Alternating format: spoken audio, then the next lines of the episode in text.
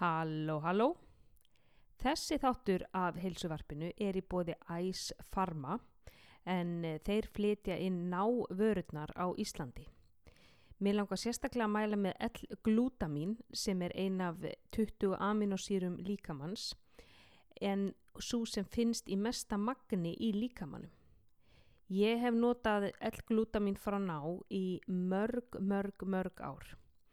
Ég hef notað til að bæta endurheimt eftir æfingar, ég hef notað til að bæta ónæmiskerfið í mér og núna upp á síðkastið er ég að nota til að bæta hjá með þarmaflóruna.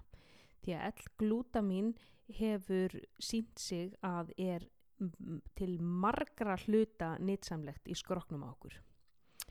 E, Gegndræpir þarmar eru að verða sí algengari í nútíma samfélagi og það er ástand þar sem lítil gött myndast af þarmaveggjónum sem hleypir bakterjum inn og það getur valdið einkennum eins og niðugangi, liðverkjum, magaverk, vögvasöpnun og síþreitu. Það sem L-glutamin gerir er að búa til filmu á þarmaveggina og gerir þannig við gegndræpa þarma, þannig að bakterjurnar eiga ekki greiðan aðgang að þarmaflórunni. Rannsóknir hafa verið gerðar á fólki sem hefur verið með þetta ástand, sérst verið með gegn drepa þarma og annar hópurinn hefur fengið L-glutamin en hinn hópurinn fekk ekki neitt. Þeir sem fengu L-glutamin síndu mun minni bólkusvörun í líkamannum og óþægindin af þarma, gegn drepa þarmunum minguðu verulega.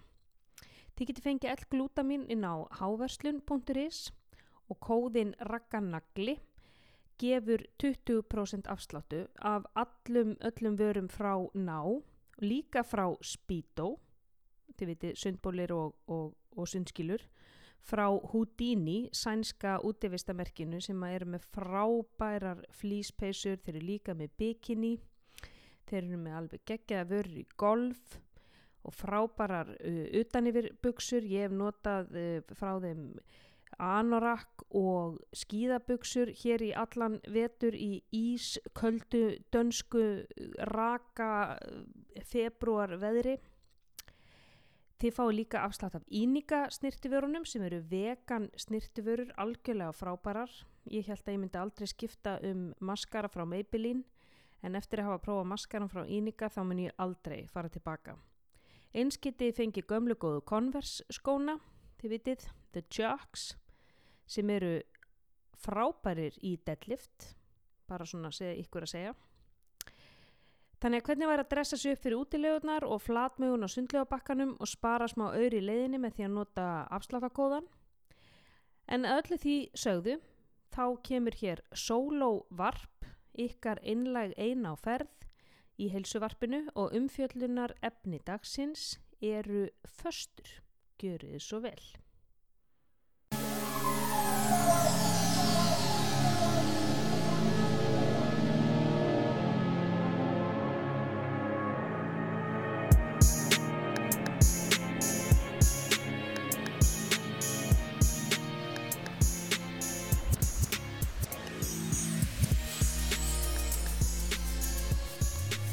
Halló og velkomin í heilsuvarfi. Í þessum þætti er ég kona einsumul. Ég ætla að vera bara með smá sólavarp og tala við ykkur um föstur. E, föstur eru vinsæli en kók sjálfsali í Sahara um þessar myndir. E, maður er vist ekki gjaldgengur sem mannskeppna nema að ræða garnagaul í mötunöytni yfir laxabóllum með veganmæju og appilsínugúskús. En mér langaði að tala aðeins um hvað eru föstur, hvernig eru föstur, hvað gerir maður í föstum, eru þær sniðuðar, eru þær ekki sniðuðar, fyrir hvern henda þær, fyrir hvern henda þær ekki. Og svona aðeins að fara í smá rannsóknir og gerast smá nörd og aðeins að segja ykkur frá svona rannsóknarvinnu sem að margir hafa unnið tengslu við föstur. Eh, en hvað eru föstur? Föstur eru rauninni bara tímabil af því að borða ekki eða semst að fasta og á því að fóðra sig innan yfirleitt ákveðins tímarama. Það er náttúrulega manninum eðlislegt að vera hungraður. Uh, forfeður okkar ráfiðu hungraður um steppunar og ef þeir náðu að fella skeppnu þá var vömbin tróðin þar til yfirflætti en síðar tóku við dagar þurrabúðar aftur. Það er okkur náttúrulega eðlislegt líka að finna fyrir hungri en, en í nútíma samfélagi held ég að bara fæstir hafi fundið fyrir svengt. Ég get sagt ykkur það að ég man eftir að hafa einu sinni verið svöng á mínum uppvakstar-árum. Þá hafði pappi glemt að fara í búð í tvo daga. Það var eina skipt sem ég fann fyrir hungri í maganum og ég man hvernig hvað það var ný upplifun fyrir mig. Velmegunar barnið í fósóinum. Því að í samfélagi með sólaringsopnun í nettó og þar sem smjör drýpur að hverju strái er svengt orðin bara tilfinning sem við ræðumst og höldum að við þurfum að losna við hana alveg bara 1, 2, 3 og dundrum niður í vélindað bara við fyrsta streng sem við finnum í malanum. En eins og ég sagði á þann þá eru, föstur eru tímabil af því að borða ekki eða sérst að fasta og að því að fóðra sig og þessi tímarammi sem við höfum, hann er, er misjafn. Það er til lengri föstur sem eru gerðar sjálfnar og síðan eru stittri föstur sem maður getur gert oftar. Þessi sem er algengust og svona mm, er mest þekkt núna er þessi 16-8 fasta, það sem við föstum í 16 tíma og borðum síðan innan 8 tíma. E, þetta er fólk að gera þrísvar til 5 sinum í viku Um, síðan eru 24 tíma föstur, það eru kannski einu svona tveggja vegna fresti. Uh, 48 tíma föstur gerir fólk kannski einu svona í mánuði, einu svona tveggja mánuða fresti. 36 tíma föstur, uh, kannski á þryggja mánuða fresti. 72 tíma föstur eru til líka sem fólk gerir svona einu svona í tviðsára ári og það eru þessar, þessar uh, þryggja daga föstur sem hafa verið ansi vinsalar undafarið. Ég hef sjálf ekki prófað það.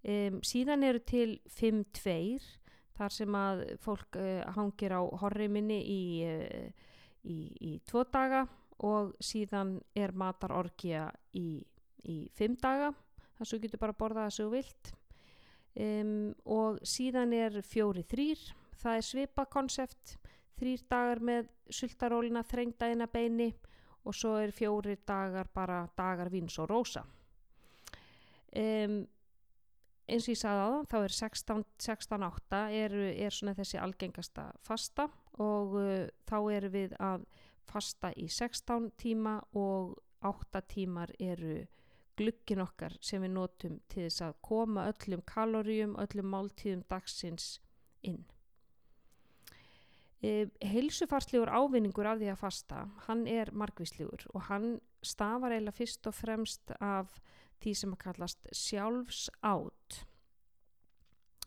Um, þessi heilsu, heilsufarslegi ávinningur eru til dæmis minni líkur á krabbaminni, e, lægri blóðþristingur, betra kólesteról, betra e, jafnvæg á blóðsikrinum, minni bólgumyndun í líkamannum, betra insulín viðnám uh, vöxtur og stækkun á, á heilafrumum, uh, viðhald á vöðvamassa, þannig að það er, það er, það er margt að nefna. Uh, minni líkur á krabbameini hafa líka verið skoðaðar, betri upptaka á krabbameins livjum er að samanskapi hefur verið mikið rannsakað.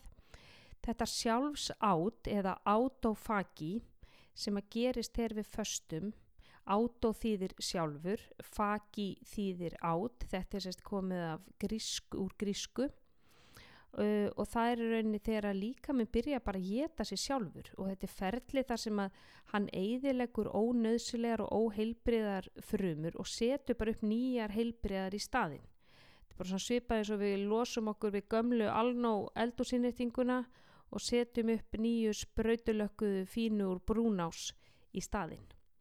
Þannig að þegar við erum ekki að borða nýtir líka með næringu úr þessum gömlu ónýtu frumum og hann er rauninu bara eins og uh, skúringa kettlinga, skrúpa burt óhreinindum og, og uppsöpnuðum óaskiljum efnum úr frumunum og, og, í, og, og sjálfum frumunum og það hefur verið sínt fram á lengja lífslíkur og minga bólgur í líkamannum. Jafnframt dregur sjálfsátt úr öldrun með því að, að skóla burt þessum óaskiljum efnum úr líkamannum sem leiða til sínilegar öldrunar, veist eins og rökkur og, og svona það sem að kalla svona elliblettir og, og þinra hár og svo leiðis. E, rannsóknir sína líka að föstur hæja á öldrun með því að hæja bara á öldrun frumlana með þessu sjálfsátti. að endur nýja frumurnar bæði í, í heila og í líkamannum og við fáum svona aukin fókus og aukna skerpu og aðtigli. Því að ef óæskileg efni og, og svona óhreinindi fá að byggjast upp í líffarunum í líkamannum þá getur það haft slæm áhrif á heilsun okkar. Nú eftir því sem við eldumst þá verður sjálfs átt lélera að virka og það þarf svona að bústa það eins upp, það þarf aðeins að hjálpa því, hjálpa því til. Um, svo fruminn að losa sér við út með, bara út með ruslið. Besta leiðin er semst að taka pásur frá því að borða í cirka 12 tíma allavega og gefa frumum líkamanns tíma e, til þess að taka bara al, alls herjar vor reyngjörningu, bara ala mamma fyrir páska og skipta út úr því að nota utanakomandi orku sem kemur þá úr máltíð yfir í það að narta í fytuvef og ónýtar frumur og nýta það frekar sem, sem orkugjafa. Til dæmis var gerð, er, er frækt dæmi um mann sem að, að grendi sig, hann, hann, hann var í, í mikilli, mikilli yfirþyngd og hann fastaði í 380 daga. Og hann það, var, það sem að merkilegast var að það var engin auka húð. Þetta er lengsta fasta það var, var ekki fylst með honum það var ekki eh, stjórnar aðstæður á rannsóknastofu heldur gerðan þetta bara heima en það var svona rannsakaður eftir á en það var engin auka húð og sem síndi það að líka með virtist nýta orgu úr, sko, úr húð frumónum líka sem næringu í þessu sjálfsáti þegar það var ekki að koma inn nein, neina máltíður og engin næring. Nú annar, annar ábati af því að fasta er aukið insulín viðnám því hvert skipti sem við borðum þá hækkar insulínmagnið í líkamannum og auka orka í geimdi í lifur. En þegar lifurinn er orðin yfirfull þá er orkunni breytt í fytuvef og því oftar sem við borðum yfir daginn því oftar erum við að losa insulín og ef við erum í fóðuröðu ástandi allan sólarhingin þá fær insulín eh, aldrei að falla í líkamann. Um, en, en þegar við, við þurfum að láta insulínmagni falla í líkamannum því að þá losast út adrenalín, noradrenalín og kortisol og jú þetta eru vissulega streytuhormón en það losast líka út uh, vakstarhormón streytuhormón og vakstarhormón í réttu magni þau geta bara þrygt upp hjá okkur grumbrennslunni og efnaskiptunum og hjálpa líkamannum að nýta fytuforðan og plokka út geimslubyrðir af glúkosa því að við geimum glúkosa og glíkogen bæði í lifur og í vöðvavef. Þannig að þegar við erum ekki að borða að þá getur hann farið að nýta, nýta það sem orku. Og uh, þegar að engin kolvetni eða eru að, að koma inn þá getur hann farið að nota gamlar frumur sem bensín. Og þar á meðal farið að nota fytufrumur og þannig getur, geta föstur hjálpa til við fytutapp. Það ber þó nefna að fytutapp á að vera aukaverkun af því að fasta. Að uh, við föstum fyrst og fremst til þess að fá þessi heilsufarslega ávinning af, af föstunum. Um, og að miklu leiti er kemur þingdartap af vökvatappi sem að svo endur nýjast þegar við borðum næst því að kolvetni binda vökva í líkamannum og oft erum við bara pissunum út þegar við föstum. En að því sögðu þá um, gera föstur fytutap auðveldara fyrir suma þar sem það er auðveldara að borða færri hýtæningar yfir daginn því að það er auðveldara að fasta fram að hátegi og borða þá stóra máltíð. Og mörgum finnst auðveldara að borða færri hýtæningar í nokkurum stærri máltíðum heldur en að vera títla í sig þessum örfáu smáu máltíðum. Veist, hver, hver verður sáttur eftir hálft eppli og örfáu möndlur? Allavega ekki ég. Það er nú bara svo að henda fjöður í almannegjá um, þannig að þegar, að þegar að líka við stittum gluggan sem við höfum til að borða frá 16 tímum uh, niður í 8 þá er góða líkur á því að við séum að borða minna, ekki satt um, þannig að það er líka hægt að, að byggja sig upp byggja vöðva og ný, ný, notfara sér föstur.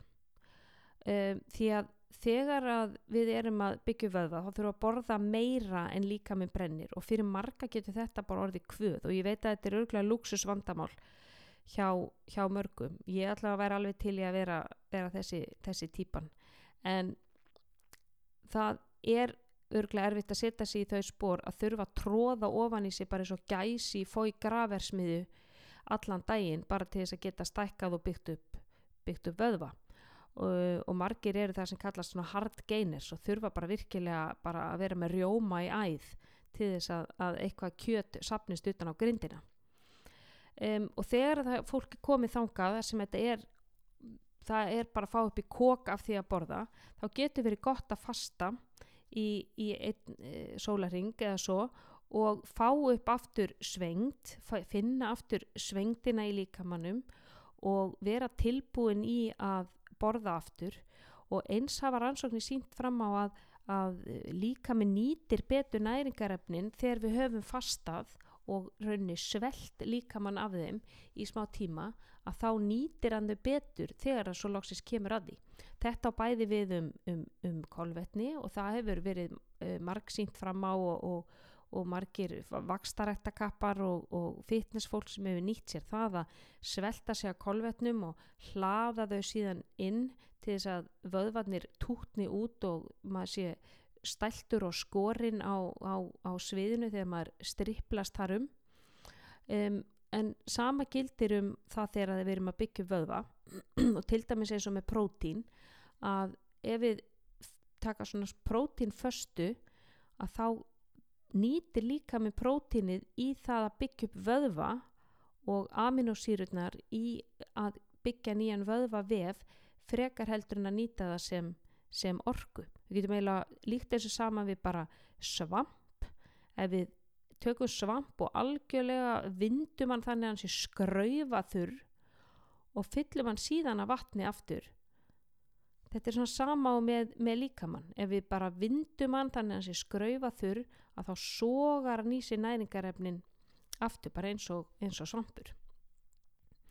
E, þannig að þar, þar geta föstur ný, nýst okkur bæði við fytutapp og eins það þegar við erum að, við erum að byggja upp vöðva.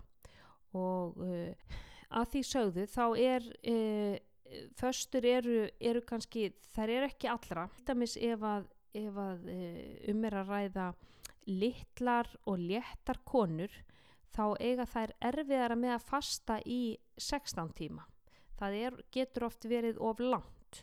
Mörgum fyrir að líða illa án matar í fleiri klukkutíma fá svima, fá hausverk finnst þess að að líða yfir sig, blóðsikurum fellur og en þeir reyna að þrauka og þrauka og ég verða, verða að halda úr þessi 16 tíma því að það er það sem að reglurnar segja og annars er allt ónýtt. En það verður að hafa í huga hvernig er líkamsgerðin, hvernig er þú og ekki hoppa beint yfir í það að borða sexinum að dag yfir bara BOOM allt í eina fasta í, í, í 16 tíma.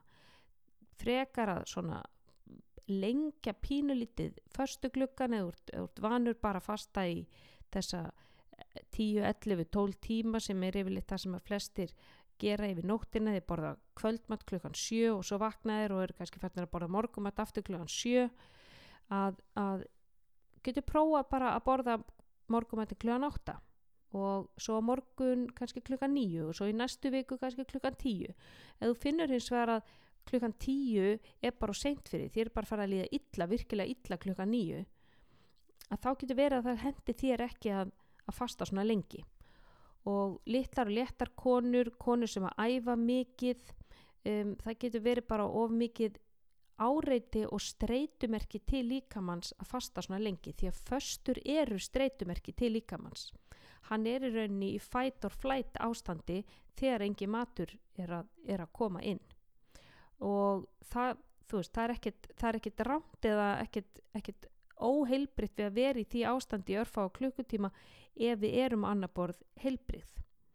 Eh, ef að hins vegar fólk er að glíma við lélega efnaskipti, það er kannski komið í, með skemta grunnbrennslu eftir, eftir margar ára dans við megrunarkúra, um, það er jafnvel komið börnátt í vinnu, farið niður kulnun í starfi, er hægt að, hægt að vinna, er komið það sem að kalla svona nýrna hættu þreita eða nýrna HPA axis dysfunction sem er uh, í rauninni þegar að nýrna hetturnar eru farnar að seita út of mikið að streytuhormónum á vittlusum tíma á deginum og það er við erum stöðugt í fight or flight, við erum alltaf, að, annaf, við erum alltaf á varbergi, alltaf að fara að flýja eða, eða að, að, að berjast. Og líka með nokka veit ekki hvort að við séum först í umferðarnút í ártúnsbrekkunni brjálu að reyna að komast heim áður en að, áður en allir krakkarnir koma heim og það þarf að elda matinn eða hvort að við stöndum anspannis ljóni út á steppunum. Signalið til líkamanns er það sama er alltaf, hann, hann er alltaf að seita út uh, noradrenlíni, adrenlíni, kortisóli og keira þannig okkar viðbraskerfi í gang. Þannig ef að það er alltaf á yfirsnúningi og svo erum við að fara að henda föstum ofan í, ofan í mixið og við erum kannski búin að vera á harðri crossfit æfingu morgun því að æfingar eru líka streytumerki til líkamanns að þá erum við soldið að grafa okkar eigin gröf með föstum. Þannig að það ber að hafa það í huga að ef að það er allt á yfirkerslu að þá getur verið að föstur sé ekki alveg að henda okkur, allavega ekki langar föstur. Nú þegar konur hafa klæðum þegar rosa frænka er í heimsók uh, þá getur það því fyllt einhverja pervertíska langanir í kolvetni og aukinn svengd í nokkra daga og þá er nú ekki góðu tími til að harloka túlanum og, og fasta. Uh, ef um er að ræða sögum ádröskun eða óheilbritt samband við mat þá geta föstur aukið á slíkar hugsanir. E, reglur í kringum máltíðir, ákveðin matvæli, e, að samaskapi getur svona saglu staður við að hafa tóman maga, skindilega breyst bara í sveltikúr áður en að maður fær rönd við reist. Uh, hungurtilfinning getur þannig orðið að normi þar sem, að, sem þú sækist eftir og ádröskun eða einhvers konar óheilbytt sambandi mat þá hún bara lúrir handa við hodnið þannig að þá í þeim, þeim tilfellum er betra að leita sér bara fallera aðstofar og koma góðri næringu upp í rútínu fyrir, fyrir karlmenn með starri skrokk og starri lagergeimslu þeir geta nýtt orku miklu betur í förstu ástandi heldur en, heldur en konur. Þannig að þeir eiga auðveldara til dæmis með að fasta í 24 tíma að meðan að konur eru svona þessi 16 tíma rætt að vera í flestum tilfellum eru það oft bara hámarkið.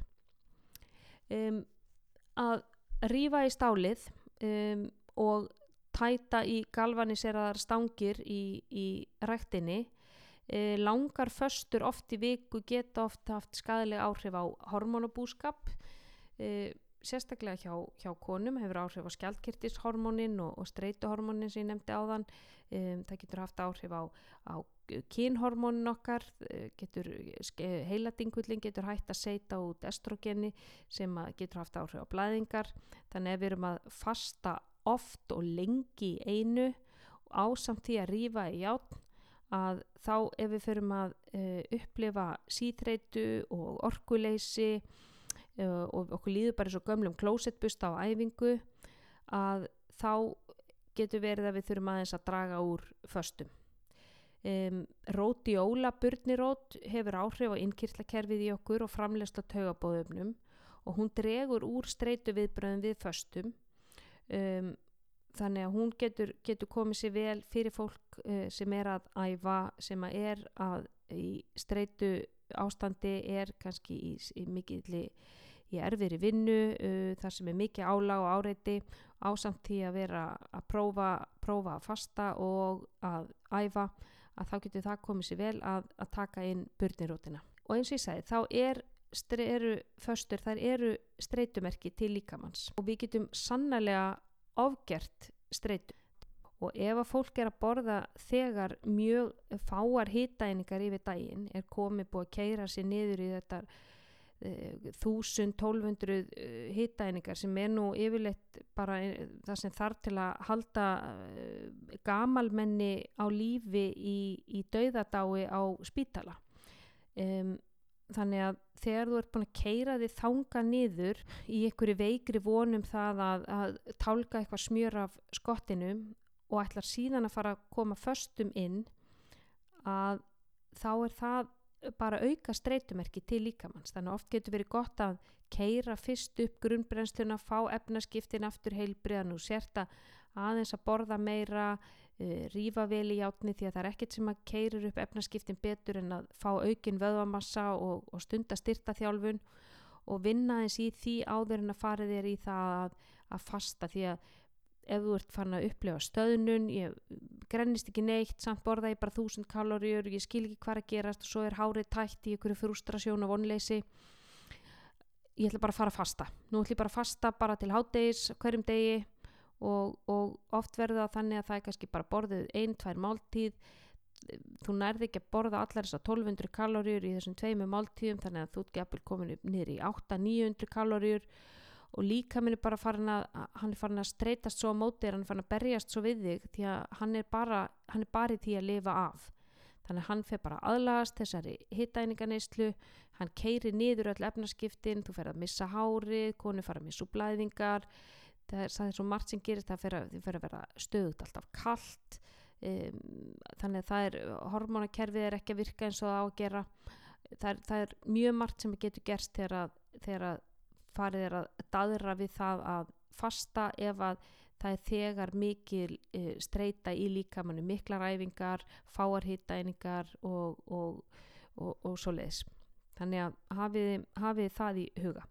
Þannig að það er margt sem ber að, ber að varast í, í föstum og um, ég get alveg sagt ykkur frá personleiri reynslu að ég fór að svona tekka á föstum og fór að e, fasta í, fyrst var það bara 12 tímar og fannst það bara fínt og svo, já, heyrði, ég get að fasta í 14 og jú, ég get fasta í 16 og, og nú ætlum ég að prófa að fasta í 24 og, og mér var bara fann líða virkilega illa e, að fasta í 24 en þú veist, maður er harður og maður er nagli og, og maður gerir þetta og það er fólk út í heima að gera þetta og þau geta þetta og get ég þetta líka og Uh, þetta var bara eitthvað sem hendaði mér ekki. Ég er lítil, ég er létt uh, ég æfi mikið, þetta var bara mikið streitu álag á minn líkama.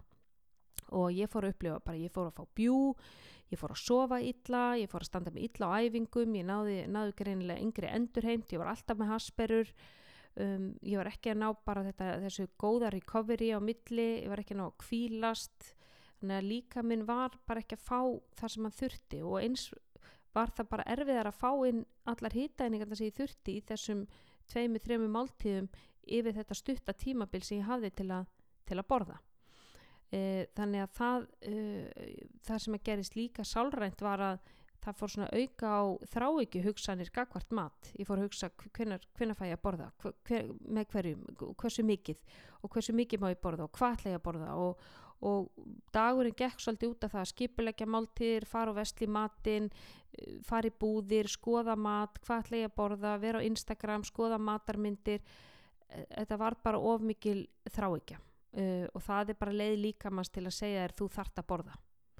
En við vitum það þegar við erum sött og vel nærð þá hefur engan sérstakann áhuga á mat allavega ekki næstu tímana. Þannig að, að uh, það ber að varast að þó að við séum að fasta þá þýðir það ekki að við séum að svelta okkur. Og það þýðir að við verðum að borða okkar hýtaeininga fjölda við höfum bara stittri tíma til þess að, að borðan þeir sem að fylgja förstu fræðunum þeir eru sammálum það að það sem að svona e, jákvæðu sálrænu eiginleikar e, förstu eru að við það er þetta valfrelsi, við höfum valfrelsi. Förstur er ekkit að skipta sér af því hvað þú borðar og þær eru, aðalega að skipta sér að hvenar þú borðar. Og þær skipta sér heldur ekki að hversu mikið þú borðar.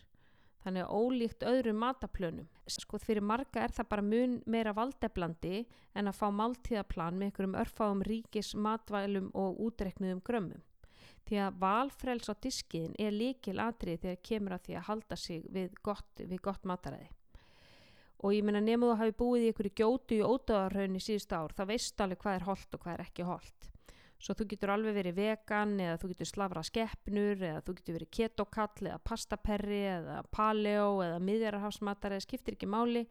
Förstur er ekkit að, ekkit að pæli því.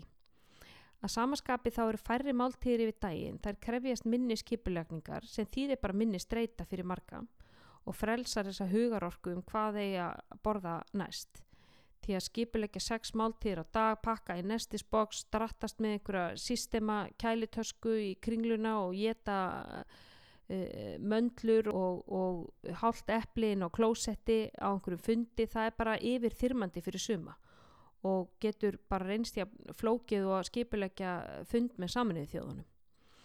Þannig að fyrir marga eru tvær til þrjár máltíður á dag bara eins og að týna fýbla út á túnni í, sólskinni í júlimániði samanbyrði. E, rannsóknir sína líka að starri og færri máltíður þær fullnaði okkur betur og losa út leptín, settu hormónið, e, þegar við erum að borða máltíður sem eru allavega 400 kaloríur. Þannig að, að það þarf það fyrir margtaka losun á settuhormónu og við finnum fyrir fyrir þessari góðu settu tilfinning. Og rannsóknir sína líka að fólk er líklegra til að halda sig við gott mataræði ef að stærsta máltíðin er síðar um daginn eða á kvöldin því að það er jú rík hefð í okkar kultúr og í flest, flest öðrum, flestum menningarsamfélagum að borða kvöldmatt saman. En að því sögðu þá eru geta föstur henda mörgum vel sem bara gott máltíða munstur til að, til að halda sig við. Um, en föstur eru náttúrulega ekki allra eins og ég sagði á þann og, og bara eins og, og pastellitir og, og döðar föstur mega nefnilega ekki snúast upp í sveltikúr. Það sem að gerist eftir uh, föstu það skiptir máli. Hvernig við höfum okkur í föstu og hvernig við höfum okkur eftir föstuna. Í föstu þá þurfum við að passa það að drekka vel af vatni og það getur verið gott að drekka vatn með, með salti úti. Eh, það er hægt að drekka eh, alls konar sigurlösa drikki, eh, sótavatn eða einhverja góstrykki en að drekka allavega nóga vatni og, og, og setja, mér er gott að setja sjáarsalt út í, út í vatni mitt.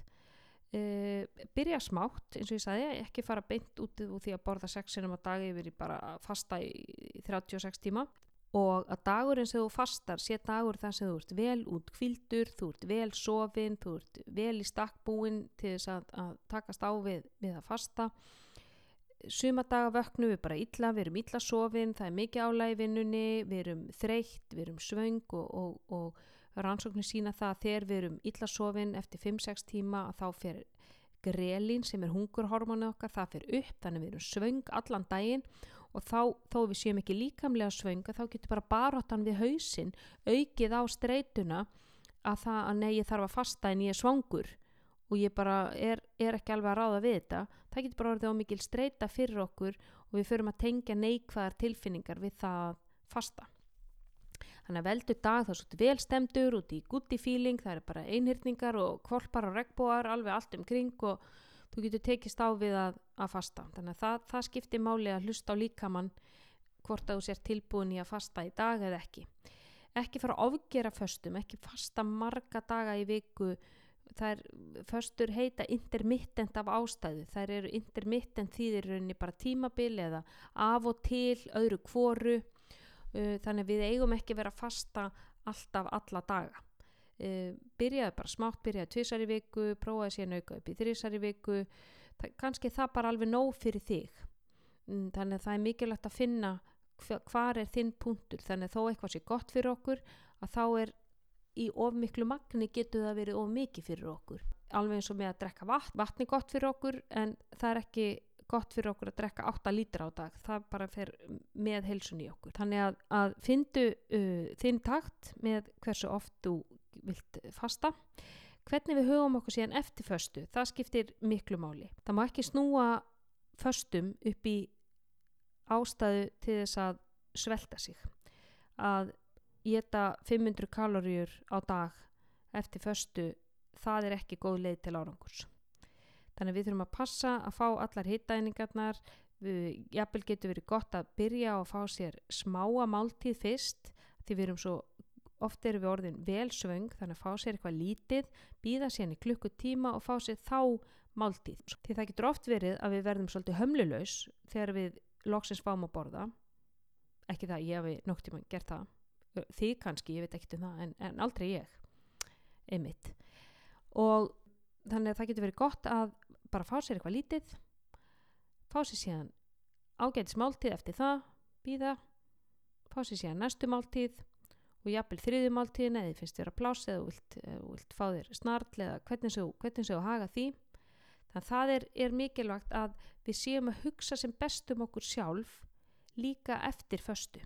Þannig að það, það er það sem að skiptir mestumál, það er þessi fóðurunar gluggi, hvernig við trítum hann, hvernig við umgöngust mat innan fóðurunar gluggans Þannig ég vona að uh, þessi umfjöllum mín, þetta sólovarp mitt hérna, hafi uh, verið ykkur til gags og jafnvel einhvers uh, gamans. Um, og þið geti nýtt ykkur þennan fróðleik til þess að finna ykkar takt með föstur, finna hvort að það er hend ykkur, hversu lengi hendar ykkur að fasta, hvernig, hvernig þið viljið haga ykkar fóðrunar glugga, hvort að það passi fyrir ykkur að hafa hann 8 tíma eða 9 tíma eða hvort að hann hendi ykkur betur að fasta í 2 daga, að borða minna 2 daga og borða þá meira í 5 daga. Er bara, þetta er bara eftir hverjum og, og einum komið hvernig, um, hvaða leið hendar þér. Því að það er mikilvægast að hlusta á líkamann og heiðra merki hans um svengt og settu og læra að borða eftir, eftir eðliskvöld. Því það eru fjölmarga leiðir til að flá kött, eins eru bara fjölmarga leiðir til þess að gúla snæðinga yfir daginn. Findu bara þá leið sem henda þér og þú getur hugsaðir að nota allæfi og, og það er eina leiðin sem að er fyrir þig. Eh, ég þakka ykkur kellega fyrir að hlusta á heilsuvarpið og þanga til næst, veriði bless.